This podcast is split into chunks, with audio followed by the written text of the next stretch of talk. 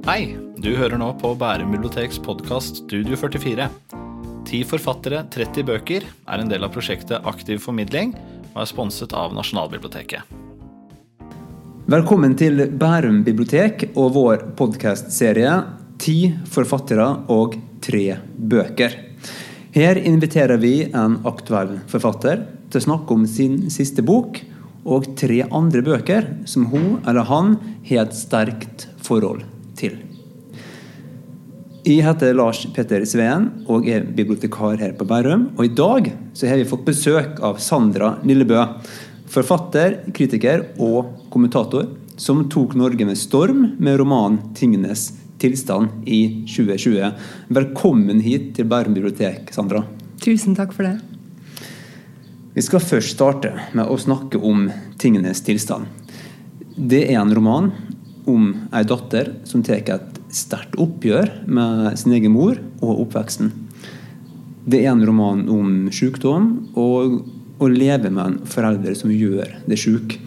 Eh, men i flere intervju så har du, eh, Sandra, snakka om din egen mor og ditt eget liv i samband med boka. Så jeg lurer på hvor personlig er tingenes tilstand? Den er veldig personlig. Eh, den er, ligger veldig nært opp til mitt eget liv. Men det er en roman, um, som betyr at det er mye som står i den som ikke er sant. Både på det detaljnivå, men også større strukturelle ting som jeg har endra på. Um, det viktigste for meg da jeg skulle gi ut boka, var at uh, det, den skulle fungere som litteratur. Uh, det, jeg skrev den for min egen del. Men uh, man kan skrive for sin egen del og deretter bare la det ligge. Så slik at Hvis dette skulle komme ut i verden, så var det viktig for meg at det skulle være en god roman. At den skulle være god nok til å, til å funke som litteratur. Hvis ikke så, så, så ville den ikke blitt uh, gitt ut. Og da uh, trengte jeg å gå til fiksjon og kunne ja, ta meg friheten til å tilpasse det som jeg følte måtte til, både på språklig nivå og på Altså ja, innholdsnivå. Mm. Mm. Men vurderte du underveis For det er jo, jeg kjente sjøl da jeg leste boka, eh, for det er, en veldig sterk bok. Mm. Eh, flere ganger så vurderte jeg hva er det som er roman her, og hva er det som er biografi. og Det var nesten en sånn spenning i boka i seg sjøl underveis til lesninga. Vurderte du på noe tidspunkt å gjøre det, kalle det igjen, gjøre det mer biografisk? Eller var det alltid skulle være en roman? Ja, Nei, det gjør Nei. Eh, fordi har, altså For meg så er det ikke interessant å fortelle min egen historie. Da. Eh, det er interessant for meg å skrive altså, det er interessant for meg å, å, bli kjent med min egen historie, og det er interessant for meg å liksom få ting på det rene med meg sjøl. Mm. Uh, men, uh, men at, at, at, at, absolutt liksom skulle handle om meg, det ikke, har ikke vært viktig for meg. slik at når jeg har gitt ut som roman, så er det fordi at det er fiksjonen som interesserer meg som forfatter. Uh, og, men at, og at jeg har snakka om den for, altså på et At jeg har sagt, vært åpen om det selvbiografiske i den. da, Det har egentlig mest med praktiske, altså det er praktiske årsaker til det. Mm. Uh, helt konkret uh, så de fleste har nok hørt om 'Arv og miljø' av Vigdis Hjorth, som kom ut for noen år siden. og Der journalister begynte å kikke hennes familie i korta mm. eh, i etterkant av utgivelsen for å finne ut om det var en ordentlig roman, da, eller om det var liksom ja, hva som var sant, og hva som ikke var sant, osv. Så, videre. så det ville vært, om noe sånt ville vært en katastrofe. Eh, om det skulle skjedd i min familie. Så derfor så valgte jeg å legge alle korta på bordet og mm. si at sånn er det. Men det er ingen vits i å leite på en måte etter. Ja, ja. ja. Mm. Det er jo litt sånn det er jo blitt liksom en veldig sånn ting i tiden. da, eh, Om ikke sjølbiografiske bøker, eller bøker med sjølbiografisk trekk i ting i tiden, for det har jo eksistert lenge. Men det som er ting i tiden, er kanskje den der granskinga av det i, i, etterkant spesielt. da, mm, Absolutt. Ja. Mm. Ja. Eh, men det som kanskje gjorde mest inntrykk på meg når den neste boka, det snakka vi litt om før viken her òg, det er at det er sjelden jeg leser sånne sinte oppgjør med foreldre. Eh, det er på en måte ikke noen tilgivelse i boka. Og jeg syns det var veldig befriende å, å lese. Men var det, var det, bevisst for deg at boka skulle være så sint som vi opplevde den var? Jeg syns det er så interessant at du sier det at den er så sint, for det er det ingen ja. andre som har sagt. eh, og eh, eh, der er jo et sinne. Du har helt rett i det. Jeg har tenkt veldig lite over det, egentlig, hva det er som er sint. Altså for meg så har det vært vært mest eh, eh, altså eh, eksistensiell fortvilelse og tvil og eh, Men jeg tror at du har helt rett i at det, er et- det, det er et element av sinne som nok alltid er nødvendig for frigjøring. Jeg vet ikke om du, om du har lest eh, 'Det usynlige barnet' av Tove Jonsson. Eh, som er en, en bok fra, fra Mummi, ja, i, i Mummifamilien. da, Der, der eh, Ja. Mummifamilien får ei usynlig jente eh, som de skal gjøre synlig igjen. og, og det er forskjellige måter de gjør henne synlig igjen på. Det, og det, er jo, det er veldig mye i den, den historien som er eh, alle, det, er det er virkelig en historie som alle burde lese. Men, men eh, det som er interessant, er at den jenta blir først helt synlig igjen idet hun blir sint. Idet hun har noe å forsvare. Eh, så, eh, så det at sinne er eh, frigjørende og klargjørende, det eh, har jeg veldig sterk tro på. Men jeg skrev ikke og tenkte liksom nå skal jeg være så sint som mulig. Men det er sant, det, for jeg, vet når du sier det, så har jeg lest den boka. Og jeg leste den for dat uh, dattera mi. Og hun, hun syntes det var så skummelt. Ja. Det, at, det at eh, hun kunne bli eh, både forsvinne, og også at hun kunne bli sint. Ja. Og det, det tenker jeg ofte at eh, jeg ser på en måte etter det. Ja. Skikkelser i barnebøker der jentene kan være sinte. Ja. Og tror kanskje, kanskje det jeg reagerte på. At det var en, måte en karakter som var sint på mammaen sin. liksom. Ja. Det var datteren som var sint. Ja. Ja. Ja. ja. Men litt tilbake til boka igjen. Hva er det som gjør For det er jo et veldig sånn desperasjoner da, sammen med sinne. Eh, hva er det som gjør at avstanden mellom dattera og mora i tingenes tilstand er så stor? Ja. Oi. Hva er det som gjør at eh, avstanden mellom dem er så stor? Først og fremst er det jo altså Mora lider jo av en eh, sykdom som eh, ikke er diagnostisert på noe punkt, men eh, da, som dattera tror jo sjøl at det er schizofreni mora har. Ehm, og det er en sykdom som bl.a. gjør at, eh, at det er veldig vanskelig å, å skape kontakt. Eh, det er en, det er en kontakt, kontaktsykdom på den måten at du du eh, mister egentlig evnen til å være nær andre, andre mennesker. Fordi Fordi eh, altså alle persepsjonene dine kan jo bli endra som følge, av vrangforestillinger, f.eks. Man kan bare bli liksom usikker på hva det er som er virkelig, og hva det er som ikke er virkelig.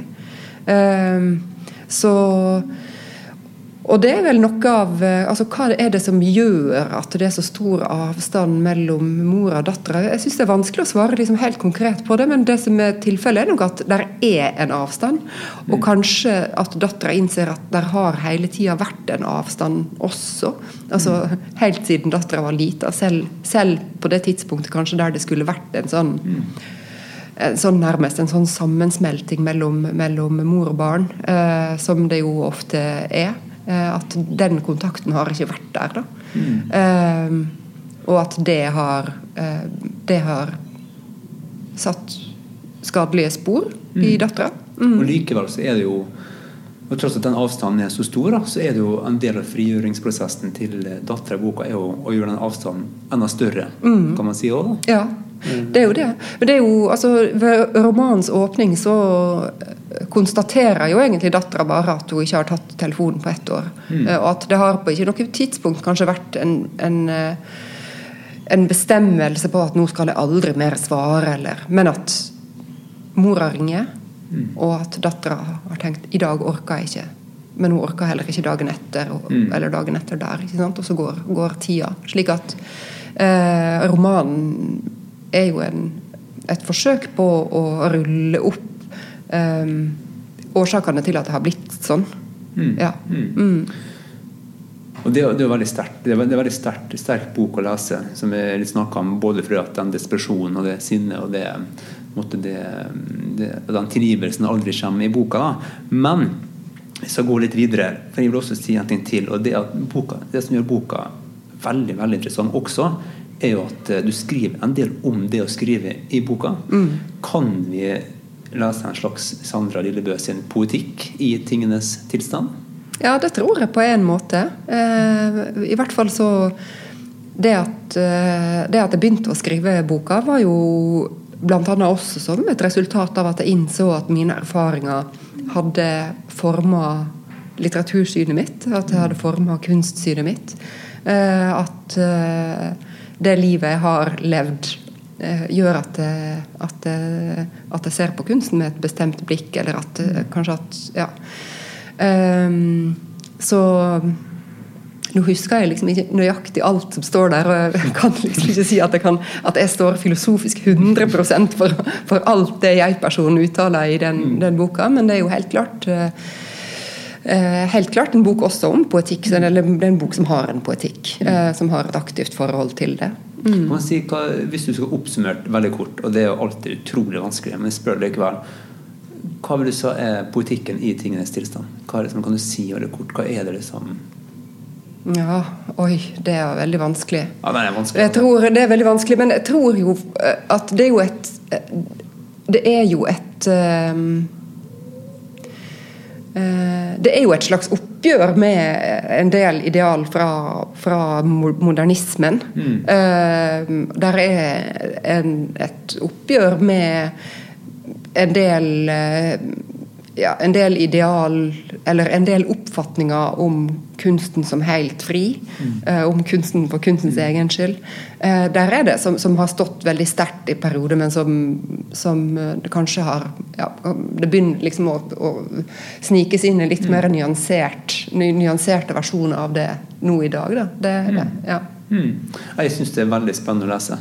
Jeg synes Det, det løfter boka veldig når man får sånne tanker om det.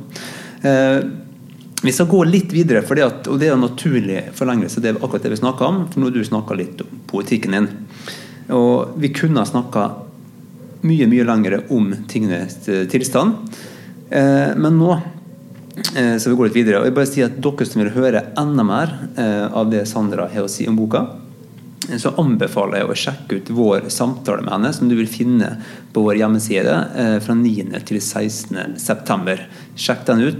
Da får du et større dybdeintervju. Men denne podkastserien her, den heter 'Ti forfattere og tre bøker'.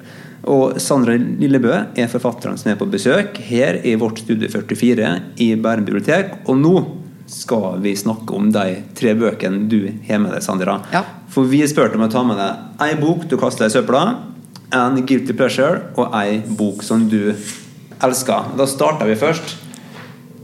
Hvilken bok vil du kaste i søpla?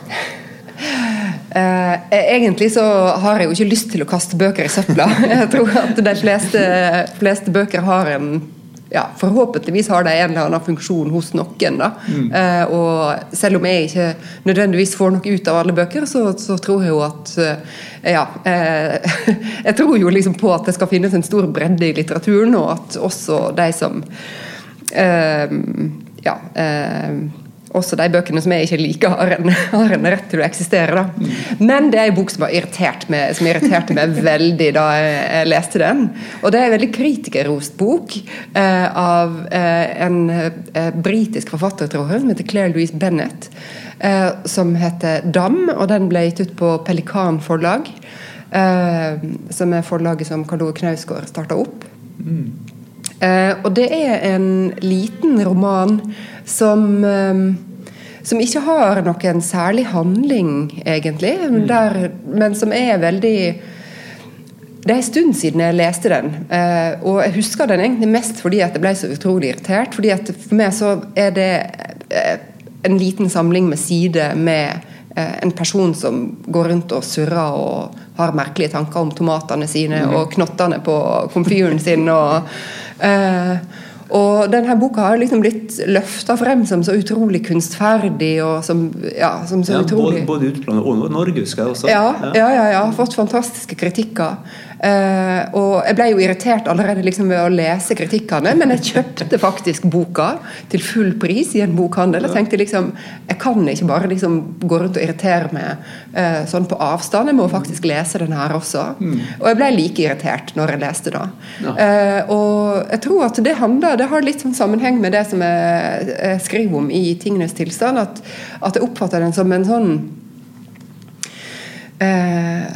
for meg så er det liksom en sånn, det er sånn enorm luksus uh, å bruke tid på kunst og litteratur. Mm. Uh, det er det. Altså, det er selvfølgelig også utrolig viktig, mm.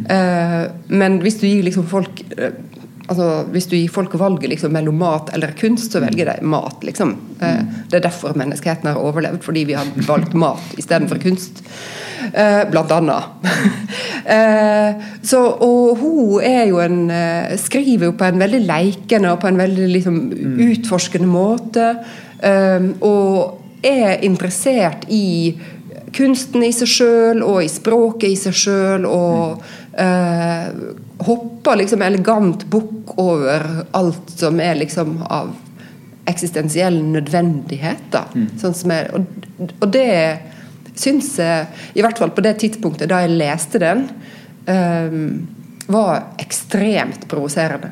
Og så har jeg oppdaga liksom med året at det er jo ei bok også som har blitt værende i meg, som jeg husker en del bilder fra. og sånt, og det må jeg liksom erkjenne at det er et kvalitetstegn, da, fordi at det skjer jo ikke alltid. Men det er viktig å ta med seg. Det, det at ting, ting irriterer over, det, det henger fast med. Og så er det ofte sånn jeg tenker i hvert fall sånn at det som provoserer det mest, det erkjenner jo ofte at det kan ha kvaliteter som det bare trigger andre ting hos meg akkurat der og da. Nettopp. Det tror du har helt rett i. At det selv om det ikke var akkurat det som jeg trengte å lese for min egen del akkurat da, at det, har, at det er bok med, med, sterke kvaliteter da, som mm.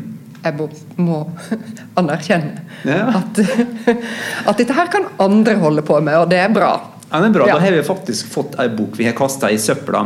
Og da går vi over på den andre boka. og Det er nemlig den utsatte kategorien guilty pleasure. Har du ei guilty pleasure-bok, Sandra? Er du ikke tør å snakke høyt om at du elsker? Um, det er faktisk ikke bok. Oi. Uh, det er ukeblad. Oi! Ja.